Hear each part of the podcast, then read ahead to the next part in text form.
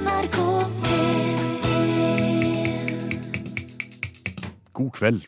Utakt i radioen din. Et eh, nokså godt radioprogram med litt av alt. Ja, og vi kan jo ta formålsparagrafen med en gang. Eh, Utakt skal være godt humør på en mandagskveld, og så skal vi prøve å være eh, godt selskap til deg som sitter foran radiokabinettet med pledd og pipe, eventuelt uten pipe, Ja. og uten pledd og uten radiokabinett.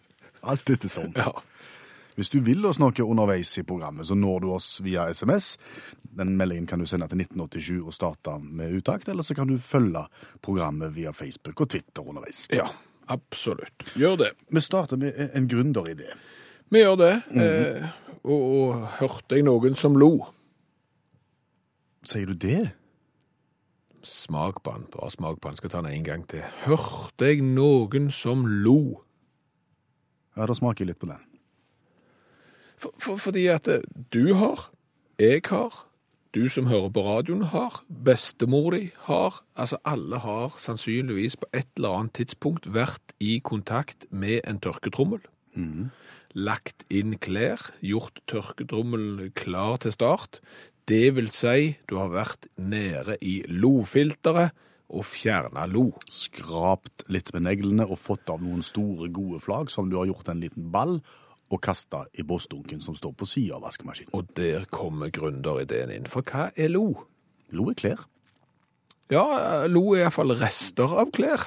En litt salige blanding, vil noen si. Gjerne litt eh, olabukse, litt eh, T-skjorte, en eh, liten eh, touch av eh, Strømpe. strømpe, ja. En liten eh, dash av skjorte, og, og, og ja, bomull og, og alt mirakels. Forhåpentligvis lite ull.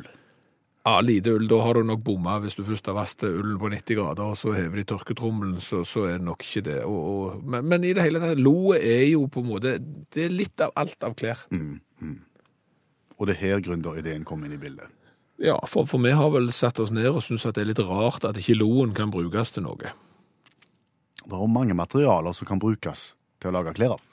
Ja, du har gjerne sett at de har altså Jeg har jo hørt om Det er jo sånn Norge Rundt-innslag. Folk som har strikt seg eh, genser av håret som de har eh, Så hunden har mista når de liksom har omtrent har støvsugd sofaen og sånn. Og når de har greid labradoren et års tid, så har de strikt seg genser av det. Noen har en eller annen sånn angorakanin. Og så har de fått lagd seg ei hue og noen matchende vanter av den. Noen har alpakka gående på, på gras der, og så har de lagd litt av alpakkaen. Og, og, og vi syns jo at det bør være rom for å få lagd noen klær av lo òg. Ja, I og med at det er rester av klær. På en måte. Ja, og tror du ikke det hadde gått an å spinne eksempel lo? Jo, altså, det må jo være noen eldgamle hva skal du si, teknikker for den slags. Ja, og, og, og, og så spør jeg deg, du vet jo svaret her, men, men, men det blir sånn, eh, en spørrelek. Hvor mange båsdunker har jeg hjemme hos meg? Du har veldig veldig mange, åtte-ti stykk. Ja, det er noe sånn, sant? Jeg har til glass, og så har jeg til metall, og så har jeg til plast, og så har jeg til rest, og så har jeg til papir, og så i, i det hele tatt, og det, til bleier, og, og Ja, ja, til maling. Og en dunk fra eller til, En lodunk. en lodunk, sånn at det, for det, jeg tror det blir, det blir tonnevis av lo Ja. i en vanlig husholdning. Bare på, på, på en ukes tid, nesten, tror jeg. Jeg tror ikke det blir tonnevis, for det veier ikke så mye, men det blir stort i volum. Ja, sånn at lo-innsamling, og så får vi lagd plagg. Ja, men hvem skal gjøre det? Hvem skal gjøre hva? Hvem skal strikke, hvem skal videreforedle dette? Det må jo teknikker til. Jo, men, men, men det, det får de voksne ta seg av, de som har greia på, på, på håndtering av lo, Ja. og, og håndtering av stoffer, og hvordan du vever loen om til, til fine hyssing kan du bruke den på rocken, Ja, kanskje? du kan rocke. Altså, kan du rocke ull, så kan du rocke lo. Og, og jeg har jo, for å si det sånn, eh, altså, hva setning var det vi begynte med? Hørte jeg noen som lo? Det tror jeg er et veldig bra merkenavn for lo-produktene våre. Hørte jeg noen som lo? Ja, og, og jeg har jo, eh, jeg har jo lagt en del plagg som jeg tror vi kunne lagt av lo. Ja vel. Du har loggebukse. Logebukse, ja. Ja, altså det er jo på en måte loens svar på joggebukse. Kimolo. Ja, det er òg. Så har du lole. Ja, det er en kjole av lo. Den var dårlig. Volt. Dårlig. Vet du hva det er? Nei. Det er en vott lagt av lo. Eh, Blose har du. Anglorakk. Anglorakk er bra. Ja, Lola-bukse har du. Eh, Og, og losjakke. Ja. Så, så, så det er, det er, det er potensial, ser du, bare, bare i navnet.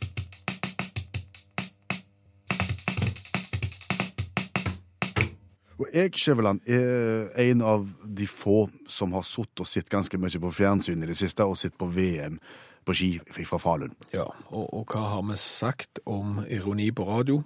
At det fungerer dårlig. Det Ja, fungerer. vi er veldig veldig mange som har sittet og sett på ski Ja. fra Falun. Og, og Men det er ikke så mange som har tenkt sånn som meg, tror jeg. Nei, det vet jo ikke jeg, for jeg vet jo ikke hva du har tenkt. Mm. Men eh, hva du har tenkt som du mener du er alene om å tenke etter å ha sett VM på ski fra Falun? Jeg syns de går så seint på ski. Det er det jeg sitter igjen med, etter at jeg begynte å tenke. Ja, du har sett på VM på ski, og din konklusjon etter å ha sett verdens beste skiløpere, som jo er fra Norge alle sammen, er at de, ah, de går ikke så fort på ski. Nei. De burde gått mye fortere, sammenligna med å springe. Og det De var, burde- da, det var da jeg begynte å tenke, skjønner du. Hæ? Ja, Hør nå. Ja, Ok. Eh, Charlotte Kalla Ja. vant 10 km fristil med tiden 25.08. Altså 25 minutter for å gå ei mil på ski. Ok, det er fort, Det er ganske fort, Ja. tror du. tror jeg. Springer du ei mil, Ja. så er verdensrekorden 26 minutter. Altså ett mer, ett minutt mer. Et, cirka ett minutt forskjell på 10, 10 km på ski og 10 km på spring. Ja, Og da har du ikke ski på beina. Nei, for det har du prøvd å springe med det. Det går ikke fort da. Nei, det er sant. Men, men, men ser du hva jeg mener? Altså, skulle, En skulle tro at forskjellen var mye, mye større. Ok, La oss ta femmila, da. ja, fem mil Femmila. Petter Northug vant. Fantastisk eh, triumf. Ja. Vant, eh, gikk fem mil på ski på to timer og 26 minutter. Ja, Den som springer maraton fortest i hele verden, Ja. da springer han én mil kortere dog enn fem mil, litt over fire mil, Ja. på, på to timer og tre minutter. Altså Hadde han sprunget én mil til, Ja. og han på fem, så hadde han havnet omtrent på samme tid. Det tar like lang tid å springe fem mil som det tar å gå, å gå fem mil dette, dette har du så og tenkt på. Derfor mener jeg at jeg syns det går seint. Ja, ok. Kan, kan, kan jeg få lov å bare komme med noen få innspill? Ja, det kan du gjøre. Bare bitte litt. Eh, om du har hørt om Møllerverken? Om Møllerverken. Ja, hva heter den Jeg vet ikke, det er en bratt bakke i Falun, og så snakker de litt utydelig i starten. så Møllerbakken. Møllerbakken. Har det noe med mord å gjøre? Jeg tror det. Jeg Mørdabakken. jeg tror det, men det, den bakken er iallfall bratt, den. Møllerbakken. Ja, ja. Og, og der skal de opp på ski. Ja. Den er det er, skal vi si, 90 høydemeter eller et eller annet sånt. Det går seint. ja. Sant? Og det er klart at når du går på langrenn, da, Ja. Så, så, må du opp bakker, og det går seint. Ja, Og dermed så bruker du mye tid. Ja, men du skal jo ned igjen òg, og da går det jo stygg fort. Ja, det går iallfall fortere, det er jeg jo enig i, men tenk Altså, den der Du ti, ra- ja. den 10 000 meter-rekorden som du snakker om her, som liksom skulle være like rask som 10 km fristil på, på skøyter, det er jo rundt på en sånn tartandekk av en eh, skrinn, eh, eh, atlet, vet du, med bare badebuksa på, sant, nesten, så, så fyker rundt på helt flatt underlag. Det er jo ikke en eneste motbakke. Nei. Og du kan jo tenke deg, hvis du hadde gitt han en sånn bakke. sant, så han skulle opp, Mhm. så hadde han brukt mye tid opp, og han hadde jo ikke tatt inn den tida for det om det var nedover. Nei. Altså, det går fortere å springe helt flatt enn å springe opp og ned. Jeg skjønner det, Ja. men jeg vil at forskjellen skulle vært mye, mye mye større. Jeg syns det er så, såpass likt. Altså, også den femmila di. Ja, Da var de, hvor mange ganger var de opp Møllebakken da? Ja, ganske mange. Ja, de var mange ganger opp ja. Og så du forholdene. Ja, det var rusje. Altså, det var jo snø, sånn at de, de, gikk jo med høye kneløft. Og så sier du at Petter Northug, han sprang på Eller han, han sprang og vaste i snø på 2,26, mens verdensrekorden på maraton er 2,02,57, eller sant? Det er klart at det, Jeg vil bare minne deg om at OL i Sotsji, det, det er ikke lenge siden, da vant de femmil på én time og tre kvarter. For da var det mye raskere forhold, og de gikk raskere på ski. sant? Så du ser jo at det handler jo opp og ned av Mølabakken. og så handler det jo litt om forholdene. sant? Og det er klart at det, smøring og gli og alt. Når du springer, så springer du, og, og da er det ingen Hvis du er helt ærlig med meg nå, Ja. Hadde du ikke trodd at forskjellen var Jo, egentlig Jeg hadde trodd at forskjellen var mye, mye større. Ja, jeg tror det. For det er jo derfor du fant opp ski. Ja. Fordi at de, I begynnelsen, sant? de første som bar sånn eh, fra Rena til Lillehammer og sånn, de der første der, Ja. de, de sprang jo bare. Det, var jo så, det tok jo så lang tid at det derfor så fant de opp ski. Ja. Vet du hva som hadde vært tøft? Nei. Og så fått han i den der lille badebuksa, han som springer på Bislett rundt og rundt og rundt, fått han til å sprunge femmilsløpet opp Mølabakken eh, i snø. Spe og, og, spesielt den snøen som de hadde nå på søndag i Falun, den der som du garantert går til knes i. Mm. Og hvis han fremdeles bare hadde hatt på seg den lille shortsen og singleten mens det snødde og folk sto med hua det hadde vært, det hadde vært idrett, det. Ja.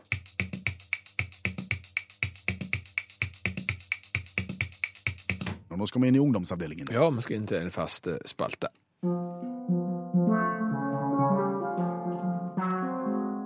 Bare spør. Jeg skal svare. Hilsen Vebjørn, syv år. Du spør, Vebjørn Syv svarer. Ja, han har jo en del livsvisdom eh, å øse av, og klart eh, du som lytter av utakt har gjerne noen utfordringer i livet ditt som du trenger hjelp til. Da skal du ikke være redd for å spørre Vebjørn. Han eh, stiller gladelig opp, og i dag så er det vel økonomi som er tema. Ja, for vi har fått inn en mail. Hei, Vebjørn. Med jevne mellomrom så ser jeg på TV, leser i aviser og hører om økonomieksperter som forteller meg at nå er det på tide å binde renta. Ja, Og, og, og dette rådet kommer jo støtt og stadig, og, og til ulike tidspunkt. Det gjør jo det, sant? Ja, ja. Så, så, så, det, så jeg måtte jo da eh, ta dette spørsmålet her med hjem til Vebjørn og så spør når er egentlig tidspunktet for å binde renta? Aldri. Aldri, det høres jo rart ut, eh, Vebjørn. OK. Nesten aldri, da. Er det bedre?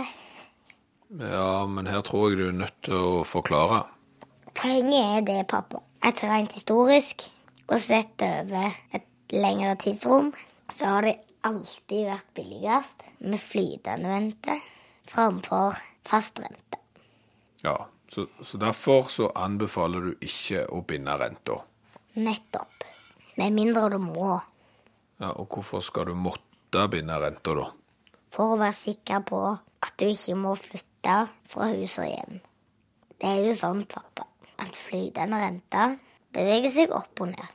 Ja, det er vel derfor han er flytende. Stemmer det.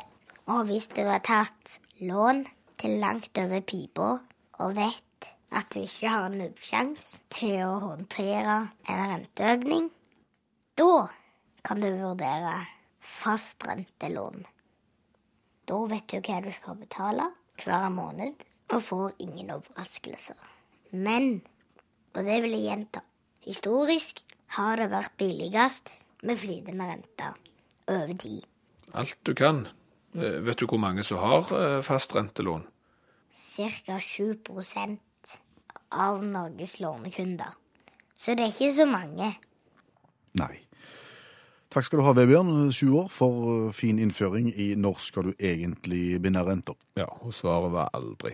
Eh, og så er det sånn at hvis du har et problem som du gjerne vil ha hjelp til av syvåringen, så sender du bare en mail. Utakt krøllalfa nrk.no. Du kan få lov til å være tilsynelatende anonym. Var det spørsmål? Eh, Ja, mer enn en påstand. Oh. Hvordan i all verden vet de alltid hvor himmelretningene er på film?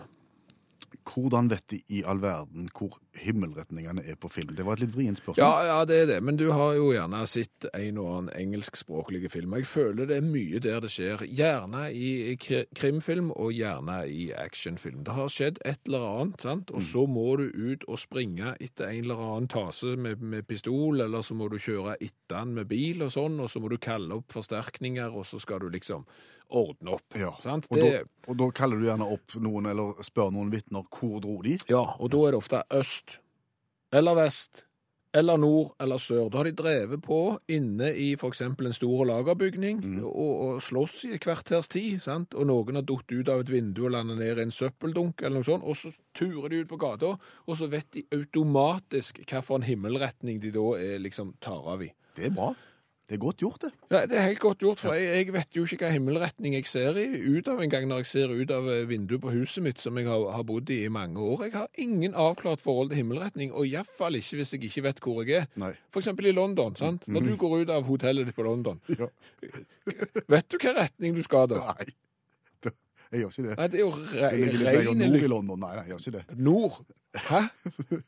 Det, altså, det er jo reine lykkebod. Ja, altså jeg, jeg ble jo faktisk bevisstgjort på akkurat dette her tidlig i tenåra.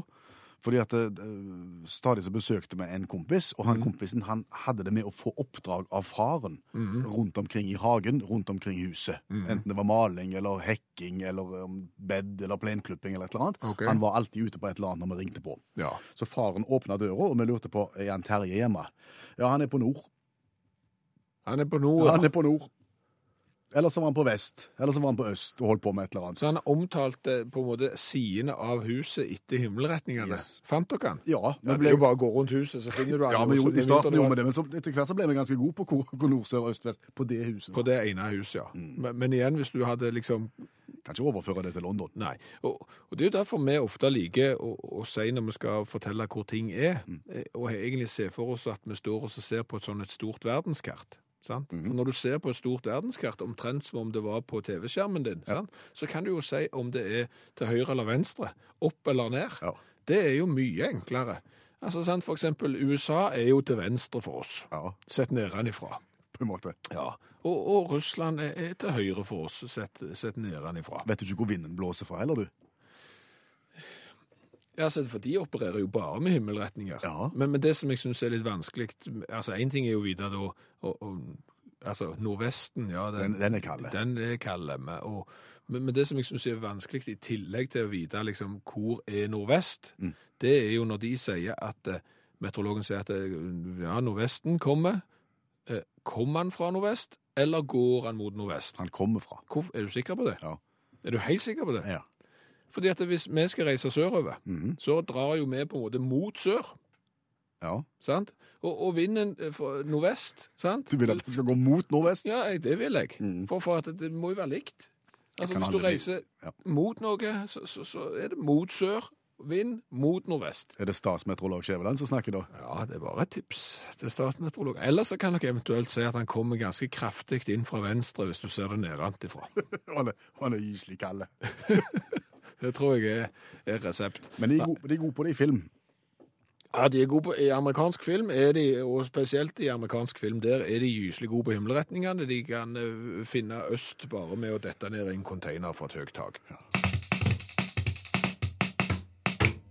Vi må si velkommen til allmennlærer med tovektig musikk Olav Hove, som gjester programmet Utakt hver eneste mandag. Ja, og det som er litt spesielt i dag, er at normalt sett så kommer Olav Hove her og irettesetter oss og lærer oss ting som vi ikke har eh, greie på. I dag kommer han litt ydmykt og ber om hjelp sjøl. Ja, for det er et problem i, i heimen. Han og kona er ikke enige om noe. Du må fortelle, Olav. Eh, ja, kort fortalt eh, så har det jo vært vinterferie nå. Jeg var på eh, bygdedager på, eh, på Jyland. En sånn bygdekveld heter det vel egentlig. På, på Jyland. Eh, ikke så langt ifra Flekkefjord. På Kongevoll, som sentrum heter på Jyland. Eh, det er sentrum fordi der er skole og bedehus det mest eh, ja. Så, så uh, interessant, veldig fint bedehus for øvrig. Eneste bedehus jeg har vært i som har bar. Uh, ekstremt anvendelig bedehus vil jeg anta. Eller så har jeg på en måte et lemfeldig forhold til vår Herre. Uansett. Nå snakker du deg vekk. Ja. Kom nå til konflikten mellom deg og kona her nå. Eh, kjekke kveld. Huslid og eh, strikking, hekling, vasing, musikk eh, fra scenen eh, av, eh, av eh, veletablerte artister, vil jeg si. En som heter Akselsen. Elias, Yes. Uh, uhyre talentfull mann. Kommer til å nå langt, det er jeg sikker på. Uh, og, og i løpet av kvelden da, så, så, så kom jeg liksom halvveis i kontakt med han, og så sa han eh, kom bort her, skal jeg lage en ting til deg. Og, og så han gjorde. Altså, Sangeren Elias Akselsen Ja. uh, Yes. inviterte bort for han ville lage noe. Ja. Han lagde masse ting, da. Altså, det var ikke sånn at han, han, han følte at han måtte lage noe spesielt til meg. Han lagde til mange, men han sa òg til meg kom, så skal jeg lage. ok. Og, og, og, og av materialet eh, streng, eller noe sånt. Strenglignende ting som han batt i hop på usedvanlig eh, elegant måte. Full fart. eh, Dekorativt og fint. Og, og ideelt for da å, å ha telys i. Det er sånn telysholder. Kanskje. Eller ikke helt sikker. hva er jeg usikker. på? Det er det som problemet. er det, er, det her, er det her vi nærmer oss denne konflikten Ja, eh, med ja, kona? At ja. eh, du er litt usikker på hvilket produkt du har fått av Elias. Akselsen? Jeg hadde en sånn antagelse om at her var det en telysholder som var blitt laga, men jeg var sannelig ikke sikker. Nei. Men du kom hjem med den tilsynelatende håndlagte telysholderen. Ja, hjem og hjem. Kom til hytta med den. Og eh, for å være sånn hyttetilpassa eh, sak, følte jeg da. Eh, eh, og, og det er solcellebasert, denne hytta, så da er det mye telys. For solceller er ikke noe gang i, egentlig, skal vi være helt ærlige. Så Men nå ror du deg vekk igjen. Ja. Uansett, da, så, så, så, så lager han ifra meg, for det, det er egentlig ikke jeg som eier hytta, så jeg kan ikke spikke noe på veggen. Det blir et Du, hendelse for ikkens Hva, hva er problemet? ja, og så, ja, OK. Og så, sier da uh, hun som jeg eh, deler avis med, at, uh, at kan jeg eh, låne den vispen når jeg skal lage kakao? Så tenkte jeg visp? Du kan ikke bruke telysholderen min til å vispe kakao med. Så, så Eh, telysholderen til Elias Akselsen tok kona di for å være en visp? Ja, det gjorde hun. Eh, så da, har jeg, da ser du litt hva jeg har strid med. Eh, men, men eh, så så jeg jo han, var- han funka veldig fint. Som bisp? Ja. Usedvanlig. Og, Og funka òg Jeg måtte jo selvfølgelig Jeg måtte så prøve med telys. Funka fint med telys òg. Okay. Eh, dekorativ og fin. Og, og, og så, så vet vi at det er forholdsvis langt til Tipperary, men det er òg jækla langt mellom visp og telysholder, føler jeg. Eh, så, så jeg kom i stuss og må si at jeg er svar skyldig. Jeg torde ikke spørre Akselsen, uh, for han er jo en autorativ type, så jeg ville ikke Og det er litt det er jo frekt. Ja, når du får en gave, Ja, så er det frekt å spørre du, Ja. hva er det egentlig jeg får? Nei, så flink er du ikke i all verden er du å lage. Nei, det er jeg ikke. Så jeg, jeg vil bare spørre lytterne der ute Mm. hva i helsiken er det lagd til meg. Ja, og, og det er klart vi kan beskrive den. eh, Det er jo en metallgjenstand på ca. 20 cm med en bøy på enden og noen kruseduller på toppen. Men hvis du er spesielt interessert, så skal du gå inn på Facebook-sida til Utakt. eh, Så skal vi legge ut bilder av den både som eh, telysholder og som visp. Og så får vi nesten si at eh, flertallet får råd her. Skal vi ikke gjøre det? Jo. Jo. Altså, Det hvis, hvis folket sier at det er en visp, så er det en visp. Og, og, og hvis folket sier at det er en telysholder, så er det en telysholder. Og hvis hvis Elias Akselsen ringer og forteller hva det er, så er det han som har fasiten. For så vidt må vi nesten godta det. Men hvis det blir spilt inn flere ting, så er jeg jo interessert i dag. Ja, kan det være en tredje? Og kan det være en tredje ting, kanskje? Ja, en mobillader. Jeg veit aldri, altså. Det er så, så mye. Så blir jeg spent. I dag skjedde det noe rørende i redaksjonslokalet. For rett før vi skulle gå på sending, så kommer det et nytt bidrag til coladugnaden vår fra Sri Lanka. Cola fra Sri Lanka. Ja, og nå kan vi prøve å fortelle hva dette handler om. Det handler om at 2015 skal bli det året der programlederne i radioprogrammet Utakt er de nordmennene som har smakt på flest typer ulik cola. Det fins ufattelig mange forskjellige varianter av cola rundt omkring i verden. Ja, og dette har jo på en måte blitt en dugnad fra oss i studio til deg som hører på eh, radiokabinettet. Vi har fått cola fra Spania, vi har fått cola fra Danmark, vi har fått cola fra Sverige, vi har fått cola nå fra Sri Lanka, vi har fått cola fra USA, vi har fått cola fra England osv. osv. Og og det begynner å bli en alle tider samling. Yes, re. I dag skal vi smake på en ny type, for, for det er det vi vil, vi vil gi råd om hvor vi finner den beste colaen. Ja, det er klart, skal du worldwide, er du en globetrotter og skal ut og reise, så er det jo greit å vite eventuelt om det er et par eh, colagodtebiter som du har lyst til å smake på. Ja, eh, Vi venter litt med den fra Sri Lanka, for vi vil at den skal bli kald først. Ja. Så den kommer i neste program.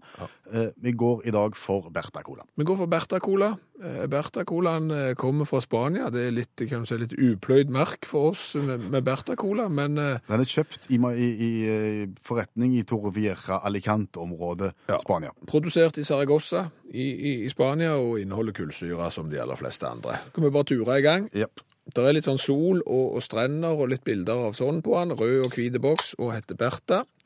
Som sagt, Og, og vi skal nå gi poeng. Vi gir poeng fra 1 til 10 på smak, og så gir vi poeng én 1 til 10 på det vi kaller kulhetsfaktor. Ja, den der lille X-faktoren, om dette er liksom det du har lyst til å gå rundt og bære på. La oss først kjenne på smaken av Berta Cola.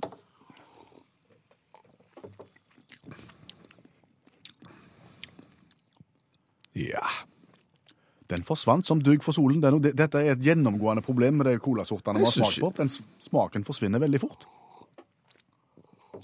Jeg har så dårlige smaksløker jeg, at jeg kjenner at det er kullsyre og søtt og godt. Og. Ja, jeg reagerer veldig på at den forsvinner, og har en litt, litt sånn merkelig ettersmak som gjør at tunga føles litt tørr. Ja, jeg, for, for, for meg er dette fire. Dette er fire for meg. Det, det er ikke ueffent. Kan ikke gi mer enn to på smak. Nei. Nei. Så er det på en måte um, Er det kult med Berta Cola? Berta Colaen som har en rød og hvit boks, der Berta står med, med hvit skrift, og over Berta er det en gul sol, og så er det på en måte ei, ei strand i, i rødt og hvitt som Altså, jeg vil si at Bertha er kult. For Ja, her, her forsøker de ikke på noe annet enn, enn å bare uh, gjøre det litt jovialt, koselig. Nei, jeg vil si at liksom, hvis jeg hadde stått og så hengt eh, sammen med gjengen liksom, og så sagt ja, skal du være med ut og ta en Bertha-cola, så, så jeg, jeg er helt enig. Jeg synes Bertha-cola er- det, er- det er syv. Ja, det, jeg skulle til å si det samme. Jeg syns også syv Ja. i, i, i kulhetsfaktor Ja, ja. for Berta Cola. En en kul cola med kullsyre, det er ikke verst det. Da er vi oppe på ni pluss 11 poeng. Eh, Det skulle bli 20 blank, det. Hæ? Hvordan regnet du nå? 7 pluss 7 i kulhetsfaktor ble 14. Ja, Så ga jeg 4. og så ga jeg to. Ok. Ja, ja. Det skulle bli 20. Og Det betyr at Bertha Colaen hever seg ganske høyt der oppe. Han legger seg inn på en fin, fin tredjeplass bak Fentimans Cherry Tree Coke og RC Colaen. Ja. Da er han i internasjonalt godt selskap. En amerikaner, en engelskmann på topp og en spanjol eh, på tredjeplass. Ja. Hvis du har lyst til å se bilder av han, så, så skal vi vel kunne få lagt ut det etter hvert. Det skal jeg legge ut på Facebook med en gang, så kan du se hvordan boksen av Bertha Cola ser ut. Du hører utakt i NRK P1, og akkurat det du hørte nå, var signalet som indikerer konkurranse. Litt jodling er alltid kjekt. Mye jodling er kanskje ikke fullt så kjekt, eh, men jodling er iallfall kjenningen på konkurransen. Hilde har meldt oss i kveld. God kveld, Hilde. Hei. Og gratulerer så mye med dagen. Jo, tusen takk. Ja, det stemmer det at du har bursdag i dag. Ja da, det gjør det. Da passer det Da måtte jeg liksom gripe sjansen og se om jeg kunne få en T-skjorte fra dere. Ja, ikke sant? Det må jo den ypperligste dagen å få det på. Ja. Ja, da skal vi bare gjennom en litt uhøytidelig konkurranse først, men T-skjorta kommer jo i retning Bergen uansett. Det er det som er fordelen med vår konkurranse, at eh, tap og vinn med samme premie. Ja.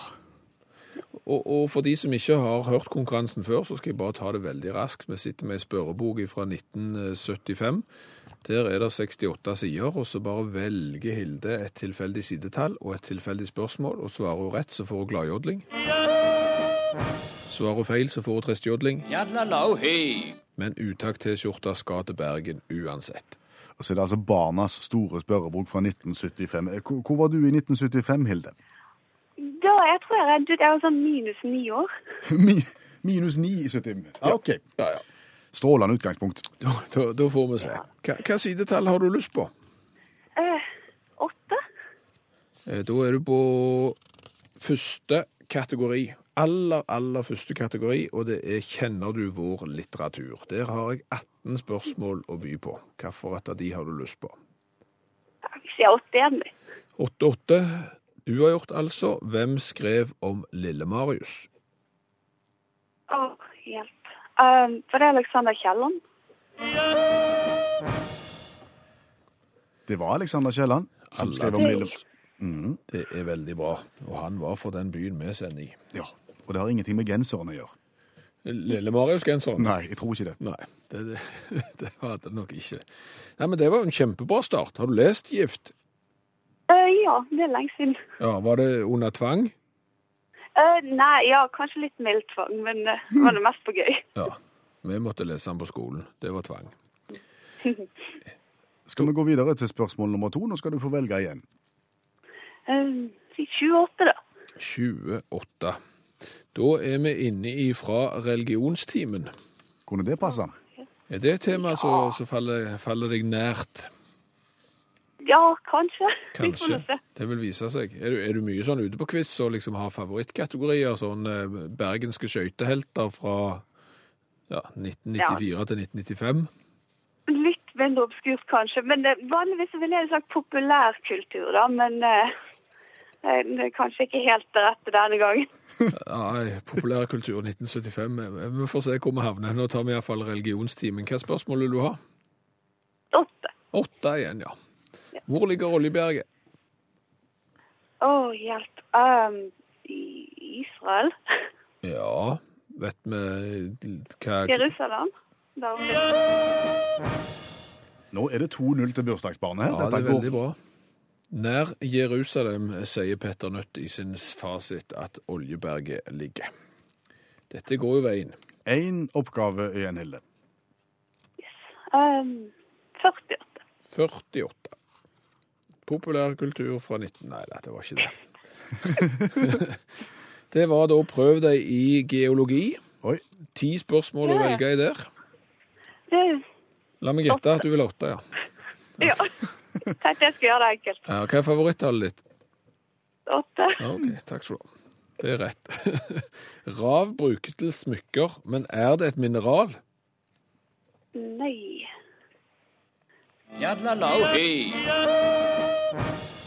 OK. Ja, det, det var litt feiltrykk her. Det, det, det, ta det en gang til. Nei, det er ikke det. Det er helt rett, men vet du hva det er? Ja, det er stivnet kvae fra trær og sånn.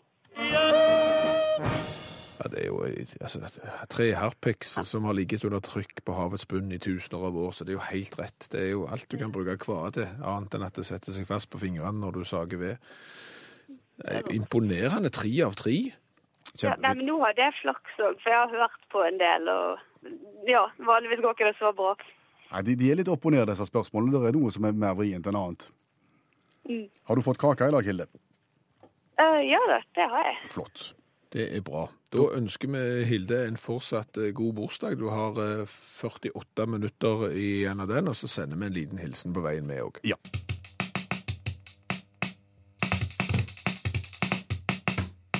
Tidligere i programmet så hadde vi besøk av allmennlærer med to vekttall i musikk, Olav Hove. Han er fast gjest i programmet, og han hadde et problem. Ja, han hadde tatt med seg en gjenstand som han hadde fått eh, på en, en messe i et bedehus som han var og besøkte, men eh, han visste ikke hva det var. Eh, Han visste ikke om det var en visp, om det var en telysholder, eller om det var noe helt annet. Nei, Det spesielle her er jo at det er kunstneren, multikunstneren Elias Akselsen som har lagd denne her, som, som lagde tingen mens Hove venta. Ja.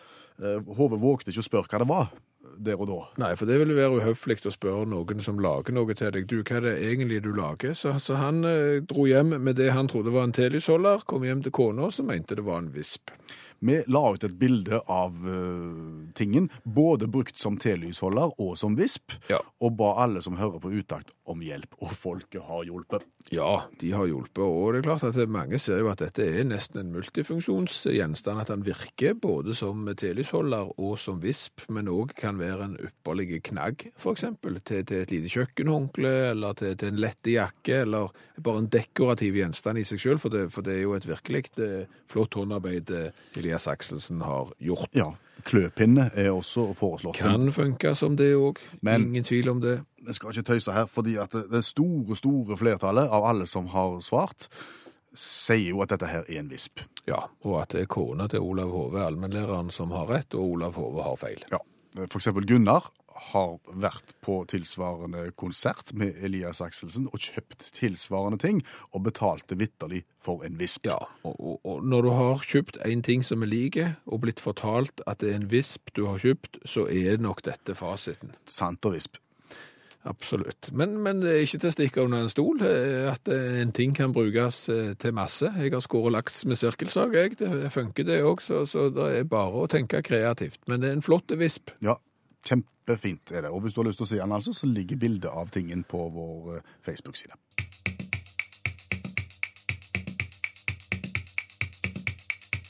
Utakt i NRK P1 Skjæveland hvis jeg ber deg om å pusse nesen nå. Ja. Hva gjør du da? Da finner jeg fram f.eks. for eksempel eh, litt tørkrull, tørkerull, tar han opp til organet midt i ansiktet, og så Ja, noe sånn. Ja, Da har du pusset nesen. Yes, da er pustenasen. Og hvis jeg ber deg pusse sølvtøy Da gjør jeg det ikke på samme måten. Nei. Så tar jeg det ikke opp til det organet midt i ansiktet, og blåser iallfall ikke ut. Nei, Da finner du fram en liten klut, og så gnikker du litt. Da tar jeg og setter meg ned foran tippekampen med far min, og så finner vi messingpuss og så noe sånne greier til å gnikke med, og så sovner vi begge to. Der har du det. Og hvis du da skal lære barn som aldri har gjort det før, eh, hvordan pusse nesen Uhyggelig vanskelig. Ja, For det handler jo ikke om å gnikke eller gnure en eneste plass. Det handler om å holde munnen lukka, sette en eller annen klut foran eh, nesegrevet og, og blåse sånn at det som er inni kommer ut. Og, og det er ikke lett hverken å forstå det eller å gjøre det. Nei, det, det forundrer meg hvor uttrykket kommer fra. Pusse nesen. Det er noe en aldri gjør, egentlig. Nei, altså du vil jo aldri Ja, ja, det er klart at det skulle tatt seg ut det, og så pusse nesen. Hvor, altså sånn med, Med messingpuss. med et eller annet for å få det til å glinse. Det, du prøver jo egentlig mest å dempe gjenskinn i nesen, så det er nesten aldri pussing av, av nesen. Det er utblåsing. Det er utblåsing. Og, og det som jo er litt grann utfordrende med å pusse nesen, eh, annet enn å forklare det til unger, det er jo òg dette her at det, skal det være effektivt, så, så må det et visst trykk til. Ja. Og, og, og har du et visst trykk bak, så kan det hende at det blir neshorn. Ja, altså Allerede nå reagerer jo jeg på, på, på deg, for du hadde en liten utblåsning tidlig Ja, det var en forsiktig fordi at jeg er på riksdekkende radio og vil ikke framstå som idiot heller, men, men det er klart at det, Du lagde relativt mye lyd allerede ja, da. det er ikke mye lyd, det ser du. For, fordi at det, altså, hvis du har sånn rennende nase, sant? Altså det, du er alvorlig skikkelig forkjølt, så, så bare renner det. Da er det jo egentlig lite pussing som skal til. Da er det jo mer opptørking, sant? Du er bare oppi med, med, med lommetørkle, og så får du det vekk. Blir det ekkelt å snakke om dette? Ja, vi klarer det. Ja, vi klarer det. Men, men så har du jo gjerne den der jobben som må gjøres for å unngå f.eks. bihulebetennelse. Du må få ut drevja. Ja. Sant? Og, og da, som sagt, igjen, trykk må til. Og når jeg setter på trykk, jeg har ganske bra trykk i, i neseregionen, så, så, så er jo nesen forma som en liten trompet, og da blir det neshorn. Vil du stå fram med det på Jeg, riksdekkende altså, jeg radio? kan godt, kan godt det, men det er klart at det, ja, nå skal,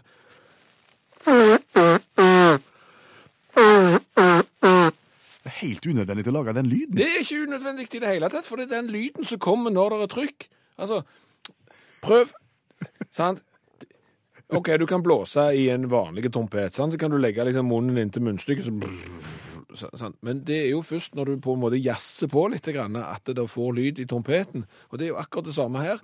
Jeg kunne latt være å lage neshornlyd, eh, men da hadde jeg ikke fått ut det som skulle ut, og så hadde jeg dødd av, eh, av bihulebetennelse, eksempel. Ja, ok. Så, så det du egentlig sier, at vi skal ikke være redde for å lage lyd, vi skal bare la det stå til? Det, det, litt, det spørs jo litt hvor og hvordan. Ja. Sant? Du skal jo eksempel ikke altså Hvis nå snuen renner midt under eh, nattverden, eksempel, så skal du jo ikke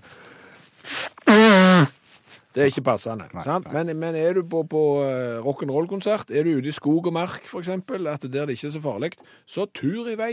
Det er ingenting unormalt med å spille neshorn, annet enn at det er litt vanskelig å stemme det.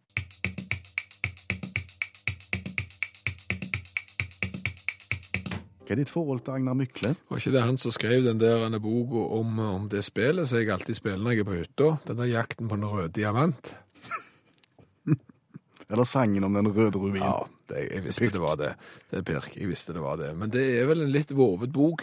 Ja. Etter det jeg har grunn til å tro. Jeg har jo aldri lest den, selvfølgelig ikke. Jeg har bare lest utdrag av den bitte litt når de hadde, jeg tror det var i Dagbladet eller noe sånt for lenge, lenge, lenge lenge siden, så var det et bitte lite utdrag. Sleit litt grann med, jeg forsto ikke alt. Eh, Var det noe spesielt jeg du, du ikke forsto? det Var du ung og naiv? Ja, ja, det var jeg var ung og naiv, og det var jo når, når han, han her karen i denne boka her eh, strøyk en eller annen over beverpelsen. Da syns du det ble litt sterkt? Jeg syns det ble litt sterkt. Over? Beverpelsen. Viste seg at det var beverpelsen. Birk. Nå litt reklame.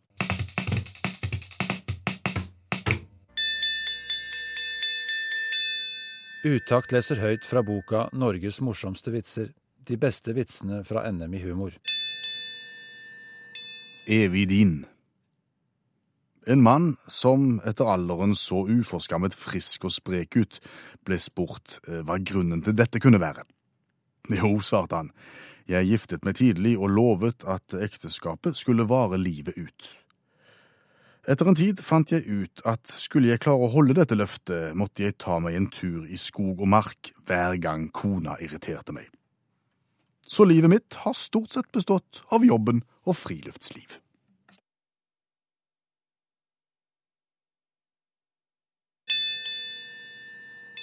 Du har hørt Utakt lese høyt fra boka 'Norges morsomste vitser'.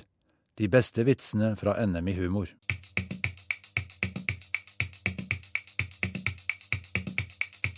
Skjæveland, hva er en Cooper-test? Nei, det er noe sånn du springer, og så skal du springe, og så skal du springe, og så blir du kjempetrøtt. Ok, hvor tror du det kommer fra? Eh, hvor du kommer fra? Ja. Eh, kommer helt sikkert fra England.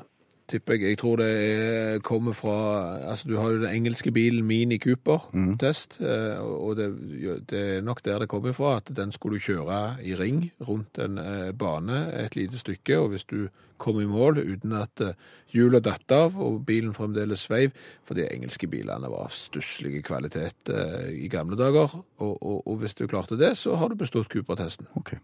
Du tror ikke det hadde noe med at du, du sprang i dongeribuksa?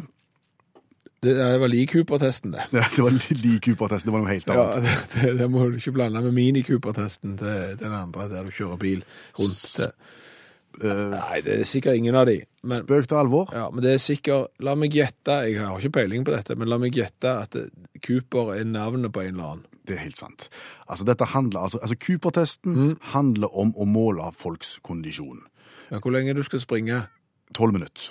12 minutter, så langt du kommer på 12 minutter, er ikke det? Utvikla av Kenneth H. Cooper. For det amerikanske forsvaret i 1968.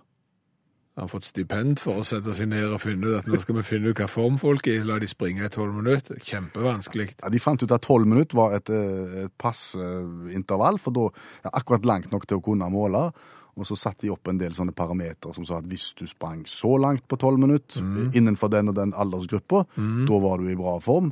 Eventuelt ikke i bra form, måtte gjøre noe med det. Mm, og hvis du sprang kjempelangt på 12 minutter, så var du for Etiopia, Det kunne også vært for tilfellet. eksempel. Det kunne du bare sitte i passet. Trenger ikke springe i 12 minutter for det, for det er jo ikke noe vanskelig. Cooper-test er noe skit. Ja, aner jeg eh, vonde opplevelser med Cooper-test? Alle tiders vonde opplevelser. Coop- Cooper-test er et makkverk fra ende til annen. Fikk du dårlige resultater på Cooper-test? Yes!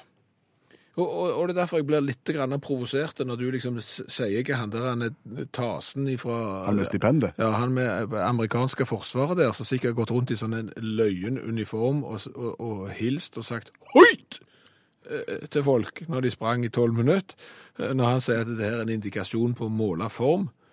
Altså, det er mulig det ikke syns akkurat nå, men, men la oss gå tilbake til barndommen og Cooper-testen herjet. Da var jeg i alle tiders form. I ungdomstida di? I ungdomstida mi så var jeg i god form, men jeg var ikke skrudd sammen på en sånn en måte at tolv minutts springing Du, var- du, du var i god form på en litt annen måte enn folk flest. Ja, riktig. Ja, men altså, folk flest Altså, OK. Jeg var keeper, sant? Eller målmann. Ja. Så, så jeg skrev nynorsk og, og redda baller. Det er det målmenn gjør, sant? Ja. Det, det var min greie. Så du sprang 16 meter vanligvis? Ja, og så stoppet jeg. Ja. Og så røykte jeg tilbake igjen. Så sprang jeg 16 til. Men jeg kunne springe 16 ganske mange ganger. Ja. Sant? Og, og, og jeg vet ikke om du har sett eksempel turnere. Aha. Har du sett toppturnere? Mange. Ja. De har jo da singlet og en gyselig overkropp. Ja. Og så har de litt rare hvite bukser med strikk under. Sant? Og har du sett når de springer? Så springer de med armene på en sånn helt unaturlig måte, og så brystkassen fram og strake vrister. Du kan jo tenke deg å springe sånn i tolv minutter. Du kommer jo ikke langt.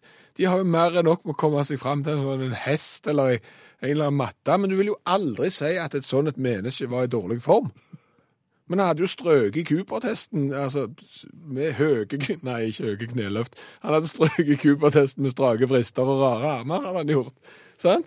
Så, så, så den der Cooper-testen er i, ikke i stand til å måle noen ting som helst annet enn at du er god å springe i tolv minutter.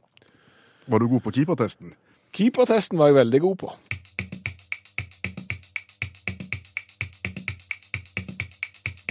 Og det var nesten utakt 2. mars 2015. Ja, det var nesten det. Eh, Så vi må bare si tusen takk for at du hørte på. Vi er tilbake neste mandag, og hvis du har lyst til å høre så mye utakt du bare vil, så anbefaler vi at du eh, laster ned podkastene våre. Det er mange av de. Jepp. Mange, mange, mange. mange. Hør flere podkaster på nrk.no podkast.